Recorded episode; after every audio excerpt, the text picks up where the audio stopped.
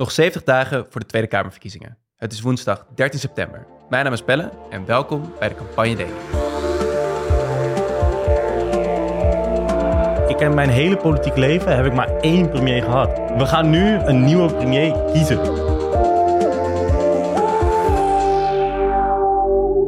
Ja, welkom. Welkom, welkom. We nemen op en net uh, vers van de persbreaking. Uh, het bestuur van de Partij voor de Dieren heeft net bekendgemaakt dat ze opstappen.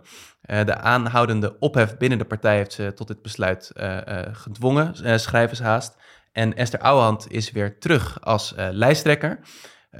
ja, onwijs veel nieuwe ontwikkelingen in dat verhaal. Afgelopen twee dagen hebben we de Partij voor de Dieren al uitvoerig besproken kan me zomaar voorstellen dat we dat morgen ook weer gaan doen. Uh, maar we laten de dieren even voor wat ze zijn. Uh, en gaan vandaag uh, over het andere politieke nieuws spreken. Dat doe ik niet alleen. dat doe ik met Isabel Rade. Isabel, partner bij BKB. Welkom. Dankjewel. Leuk, Leuk om er te zijn. Ja, Eindelijk mag ik ook. Ja, debuut in de podcast. Ja. Ja, leuk. En uh, ja, kan je een beetje vertellen met wat voor type campagnes je bij BKB uh, zo al bezighoudt? Uh, ja, ehm, nou, ik ben politicoloog en Amsterdamse Indo. En een beetje met die bril hou ik me bij BKB veel bezig met campagnes die gaan over diversiteit, gelijke kansen en inclusie. En dat is een bril die ik ook altijd opzet, soms tot vervelend toe, maar blijf ik doen. We gaan het merken of dat tot vervelend toe is of juist reuze interessant. Heel leuk dat je er bent. Um, en naast jou zit Younes Douari ondernemer en uh, oprichter van Represent Jezelf, een platform dat politiek bespreekbaar maakt voor jongeren. Leuk dat je bent, Jonas. Ja, thanks man. Thanks voor de invite. Kan je een beetje vertellen wat jullie doen met uh, Represent? Yes, met Represent eigenlijk wat wij doen. Uh, wij maken content, vooral rondom de politiek, maatschappelijke gebeurtenissen, maar ook heel vaak rondom verkiezingen. om eigenlijk ja, de politiek bespreekbaar te maken onder jongeren. en dat doen we op, op Snapchat, op Instagram en op TikTok. Waar jongeren zitten tegenwoordig dus. Exactly. Ja. En waar kunnen ze jullie vinden? Nog even die handle misschien droppen. At represent.jezelf. Ah, kijk, nou, uh, zoek dat voorop, zou ik zeggen. We zetten het ook nog in de show notes. Heel erg blij dat je er bent en dat je ook door die bril uh, de campagne van vandaag uh, gaat bekijken. Ehm, ja, we trappen even af met Nieuw Sociaal Contract, de partij van Pieter Omzicht. Zij staan voor een enorme opgave. inhoudelijk moet de koers natuurlijk nog bepaald worden, maar tegelijkertijd zijn ze ook druk bezig met de hele partijorganisatie op te tuigen. Moet een kandidatenlijst vormgeven. En dat is een helse uh, human resources klus, want uh, er melden zich veel mensen aan en er gaat ook wel eens iets mis. Uh, gisteren kwam ook in onze podcast ter sprake dat Onno Aarde drie uur woordvoerder was voor de partij. Laten we even luisteren wat Pieter Omzicht daarover zei gisteren tegen RTL Nieuws. Als dit maar geen voorbode is voor meer minder geschikte mensen die dus eigenlijk helemaal niet bij uw partij passen.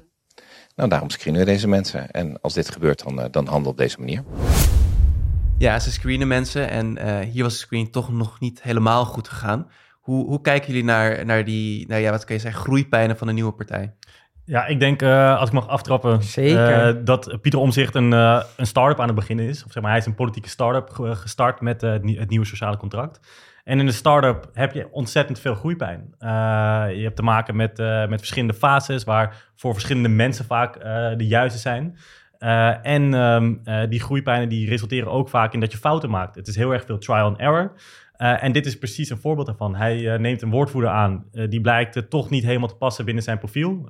door wat uitspraken die, die ja, hij heeft tweet. Hij noemde BBB een gezwel op Twitter. Precies.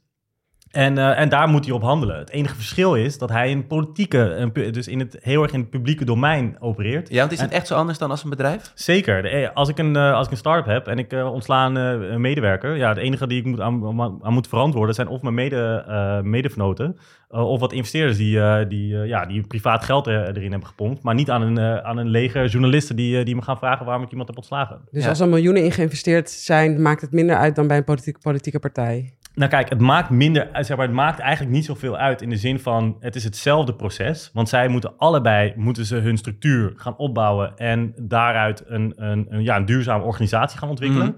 Alleen het de vergrootglas is anders. En daardoor, uh, daardoor zien we dit op het journaal. Ja, toch ook zo'n Twitter en mediadynamiek. Hoe, hoe vind je dat Pieter om zich daarmee omgaat, Ismael? Nou, ik vind eigenlijk dat hij het gewoon wel goed doet. Um, ik hoorde gisteren al meteen weer mensen op, uh, als reactie op zijn optreden. Oh, hij ziet er niet goed uit. Kan hij dit wel aan? denk ja, dus gewoon zoeken uh, uh, naar flaws van omzicht. Want we willen eigenlijk dat hij het niet goed aan kan. Maar hij doet het gewoon goed. Hij heeft een hoge standaard en daar houdt hij zich aan. En als iemand daar niet bij past, dan ruimt hij weer het veld. Dat het een beetje onhandig is, ben ik, ben ik het helemaal mee eens. Um, maar hij houdt zich daar wel aan. Um, en weet je, hij houdt zich aan zijn eigen speelveld. Ja. En dat vind ik hier knap Omzicht, en dat is eigenlijk campagneles nummer één, niet van je strategie afwijken. Dat doet hij. Alle partijen eh, struikelen over elkaar deze week om de kandidatenlijsten eh, te eh, presenteren. Omzicht was, wacht rustig, heeft zijn eigen proces en behoudt zijn eigen speelveld. Dus dat vind ik gewoon dat hij dat goed doet. En weet je, we vinden misschien dat hij er goed, eh, slecht uitziet op dit filmpje. Eh, maar aan het eind maakt hij ook nog een eh, grapje naar de journalist toe en nodigt hij haar eigenlijk uit om dan te solliciteren als woordvoerder. En die hebben we klaarstaan. Laten we nog heel even luisteren hoe, hoe hij daar eh, behendig mee opspringt. Dus de sollicitatie staat weer open. Ehm, zoekt u een baan of zo? We hebben altijd van die overstappers. Ja, dus hij kan het ook wel eh, relativeren. En eh, een lachende omzicht is een, eh, is een mooi beeld om te zien. Ik vond hem ook daar redelijk relaxed uitkomen. Maar ja, het, het blijft lastig, zo'n nieuw team vanaf scratch bouwen. En je ziet wel dat gisteren kreeg dat kernteam van hem wel iets meer vorm. Hij had al langer, kon hij leunen op zijn steun en toeverlaat Nicolien Vroonhoven, zijn rechterhand en Wat doet ze niet bij de partij? Wat doet ze niet? Een heel erg mooi stuk trouwens in de Volkskrant gisteren over haar verschenen. Zetten we in de show notes, een profiel. Eh, voormalig CDA-Kamerlid. Eh, gisteren werd bekend dat Wietske Posma campagneleider wordt voor de nieuwe partij. Ook een voormalig CDA-Kamerlid. En eerder was al Eddy van Huim eh, vastgelegd als voorzitter van de programmacommissie. En ook hij is een voormalig CDA-Kamerlid.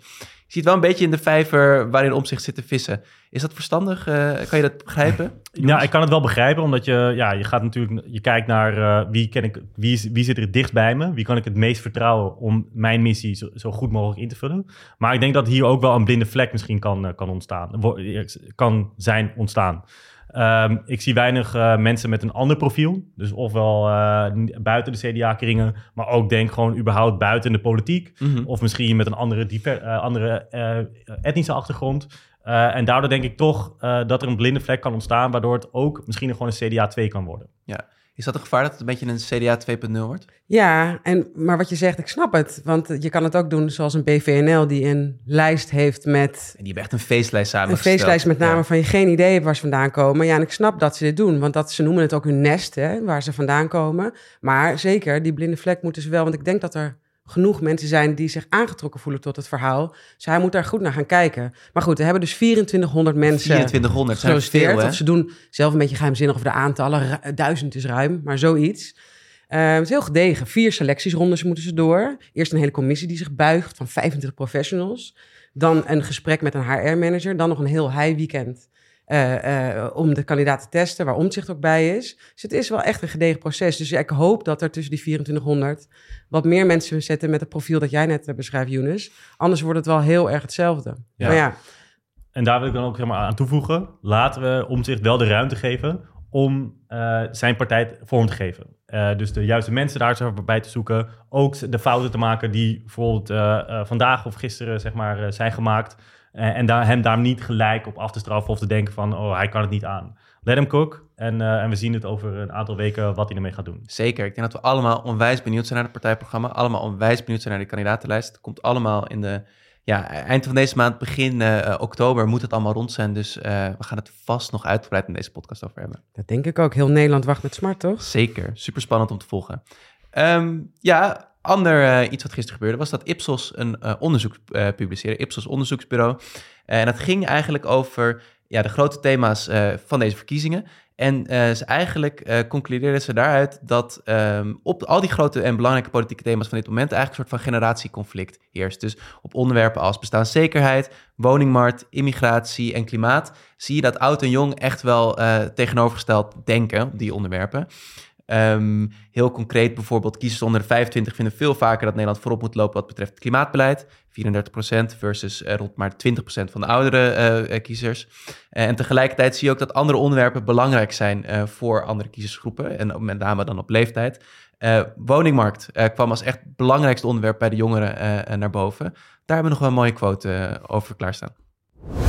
Eh, en daarna zeggen we eh, een uitleg over waarom de woningmarkt ons in onze poort. Ja, dat En- is, wel, is wel heftige taal ook. Hè? Ja, klopt, maar het is wel zo. Ja, Younes, dat had jij een paar jaar geleden al gezien dat eh, de woningmarkt eh, hot topic was onder de jonge generatie. Ja, zeker. Eh, ik denk namelijk dat die, ehm, die scheidslijn waar je het over hebt, die generatielijn, dat die ook over economische lijnen loopt. Het is namelijk zo dat die eh, generatie boven ons aan, aan, aan tafel, die bezit nou eenmaal een groot deel van, van de taart. Uh, en het is de jongere generatie die het nakijken heeft. En daardoor zijn die generatieverschillen op zo, zo groot op, op bijvoorbeeld zo'n heikelpunt als woning. Ja.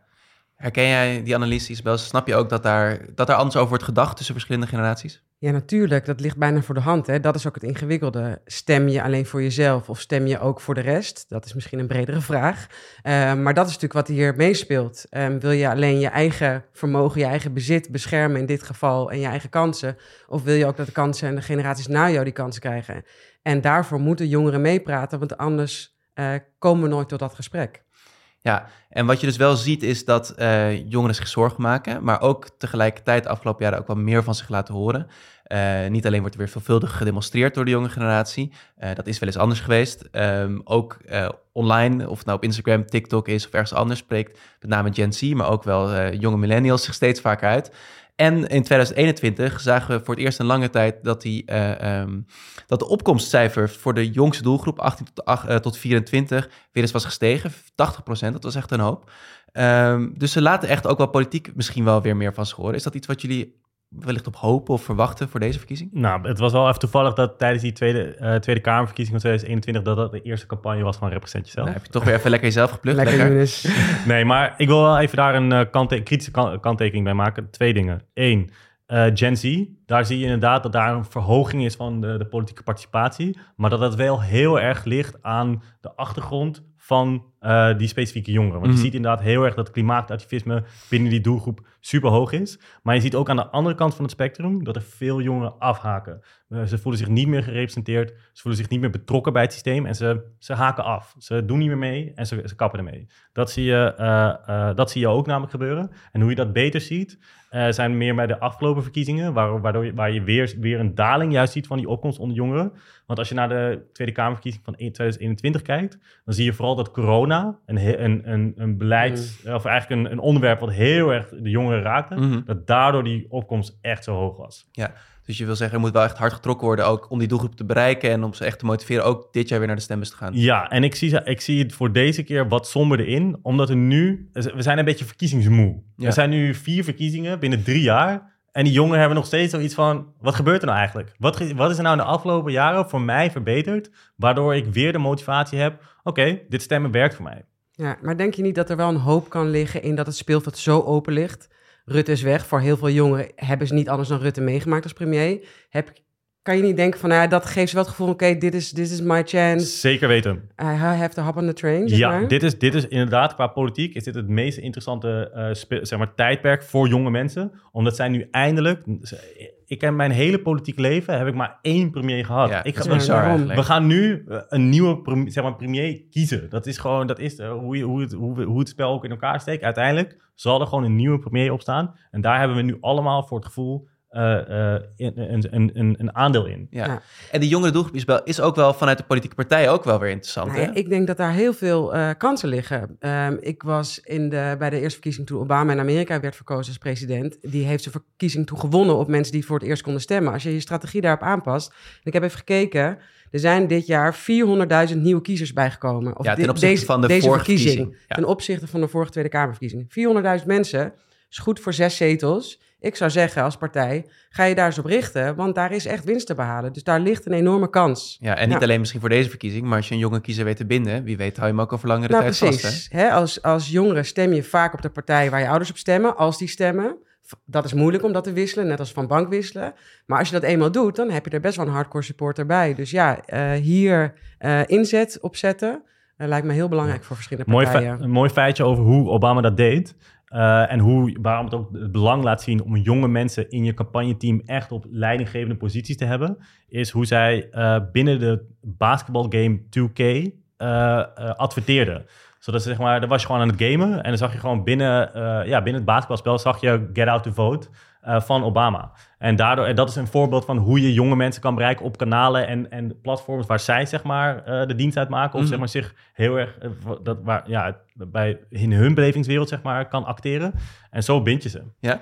Maar hebben zich dan al bekende Nederlanders bij Represent Jezelf aangekondigd die zeggen ik wil meedoen? Want in Nederland hebben die traditie natuurlijk niet van bekende Nederlanders die zich echt uitspreken in een Get Out the Vote campagne. Een In Amerika kennen ze dat veel meer. Hè? In Amerika is dat heel gewoon. Rock the Vote met Black Eyed Peas, Katy Perry, noem ze maar op. En hier zien we dat eigenlijk niet. Klopt. Ik denk dat hierdoor, omdat hier de politiek nog wat gevoeliger ligt, ook omdat het landschap wat gefragmenteerder is. In Amerika ben je of zeg maar goed of slecht. En vanaf van welke kant je het bekijkt. daarom hè? zeg ik ook niet dat er één goede of slechte kant is. Eh, maar Heel daardoor diplomatiek. is het inderdaad wat makkelijker om juist zeg maar, voor jouzelf in ieder geval al sneller bij de goede kant zeg maar, eh, te zitten en je uit te spreken. Terwijl het hier veel gevoeliger ligt. Want als je eh, voor één partij kiest, dan, dan sluit je gelijk eh, Ja. ja. 16 of 17 anderen uit. Maar zou het denk je helpen als meer bekende Nederlanders of als voor jongeren aansprekende mensen zich uitspreken of, of een Get Out the Vote campagne of iets in die richting doen? Wij hebben heel vaak met, eh, met community leaders of influencers, of hoe je het zeg maar wil noemen, eh, mensen met een following gesproken. En het ligt altijd aan één ding. Zijn ze authentiek? Hebben ze hier echt een motivatie voor? Ja, dan zijn ze van waarde. Als ze alleen maar dit doen omdat ze denken van... oké, hey, hier kan ik geld mee verdienen. Zoals Boef laatst met die, met die, eh, eh, met die coronacampagne. Ja, dan komt dat niet binnen. En dan, dan, dan heb je een backlash. Is het vertrouwen nog, eh, nog lager. en heeft het geen positief effect. Ja. En Younes, gaan jullie dan deze campagne met Represent Jezelf ook met influencers werken? Ja, wij zijn altijd wel geïnteresseerd om zeker met mensen te praten. Onze DM-lijst is super groot. dus ik ga zeker Selma Mari gewoon weer elke week een bericht sturen.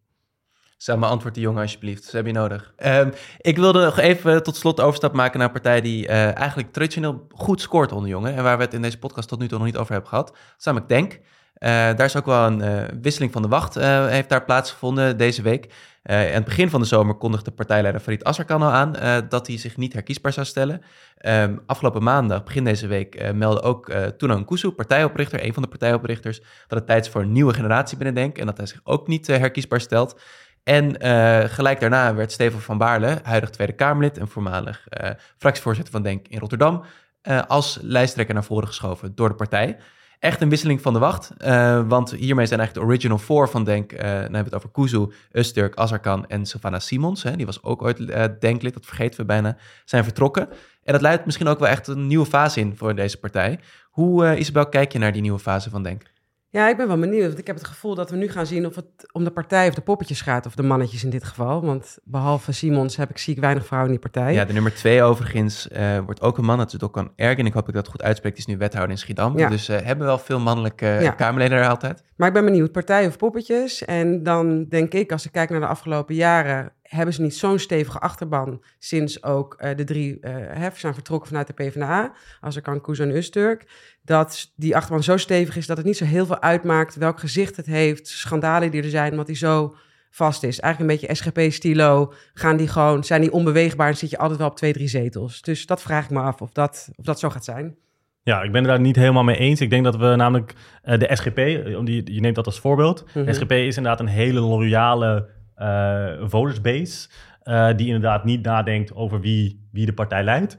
Eh, maar dat zijn mensen die ook al generaties lang daarop stemmen. Denk heeft het, moet het echter hebben van een, van een doelgroep die, zich niet erg, die niet echt heel veel vertrouwen heeft in de politiek. De SGP daarentegen, die geloven heel erg dat eh, het systeem op... Ze geloven veel bij de SGP. Ja, ze geloven heel erg in het democratische systeem. Maar dat heeft die doelgroep van, eh, van Denk heeft dat niet. En daardoor zijn zij meer gebonden aan eh, poppetjes dan aan eh, partijnamen. Ja, dus jij denkt dat Denk ook nog wel echt, ook in deze campagne heel erg hun best moet doen om die, om die base, hè, die, die kiezers, basis van hun te Ja. motiveren om überhaupt te gaan stemmen. Op Ik zie, 22 ze, ik, zie ze, ik zie ze in dezelfde categorie als het CDA. Ze zullen het echt heel moeilijk gaan krijgen. Ja, toch staan ze wel enige tijd eh, stabiel op twee tot vier zetels. Dus eh, ja, eh, het belooft wel wat voor Denk. Maar we hebben ook in eerdere verkiezingen gezien, zoals de afgelopen Provinciale Statenverkiezingen, dat dat ook kan tegenvallen, die uitslag. Maar ze moeten het vooral hebben uit de Randstad, Isabel. Ja, dat is zeker. Je ziet ook nu weer dat de, lijsttrekker komt uit Rotterdam. Rotterdam is echt een hardcore base, zeg maar. Ja. Dat, Daar zitten ze allemaal, of in ieder geval voor een groot deel. Ja. Laat ik me, Ehm, dus dat is belangrijk. Dus dat, daar moeten ze campagne gaan voeren. Dus ehm, daar moeten ze een plan op gaan aanpassen. En natuurlijk ook wel met een gezicht wat wel letterlijk en figuurlijk anders is dan het gezicht wat we hiervoor zagen. Zeker. Namelijk ook een eh, lijsttrekker die zelf geen moslim is. Nee. Ehm, dus ik ben ook wel benieuwd wat dat gaat doen voor de achterban en wat ze daar wel, wel en niet van vinden. Ja, Steven van Baarle heeft een interessante relatie met het geloof. En daar las je, lees je wel iets van, maar niet altijd. Dus gaan we in de gaten houden eh, wat dat betekent. Ja, daarmee zijn we eigenlijk voor vandaag weer rond. Uh, interessant dat SGP net even ter sprake kwam. Uh, daar gaan we het morgen uitgebreid over hebben met Niek Bakker, voormalig jongere medewerker bij de SGP. Dus de SGP komt morgen aan bod. En nog een kijktipje voor vanavond. we vroegen ons eerder in deze podcast af, waar is Frans? Nou, vanavond zit hij bij Galit en Sofie aan tafel voor zijn eerste grote interview. Dus daar ga ik zelf zeker voor zitten en ga kijken, zou ik zeggen. Voor nu wil ik jullie heel erg bedanken, Isabel en Younes. heel leuk dat jullie wilden aansluiten. en hopelijk tot een volgende keer allebei. Leuk, jij bedankt. Tot de volgende. Thanks. Yes, en uh, aan jullie als luisteraar wil ik nog even vragen om te liken, delen, abonneren op deze podcast in je favoriete podcast app. En dan zijn we er morgen weer om 4 uur. Tot morgen.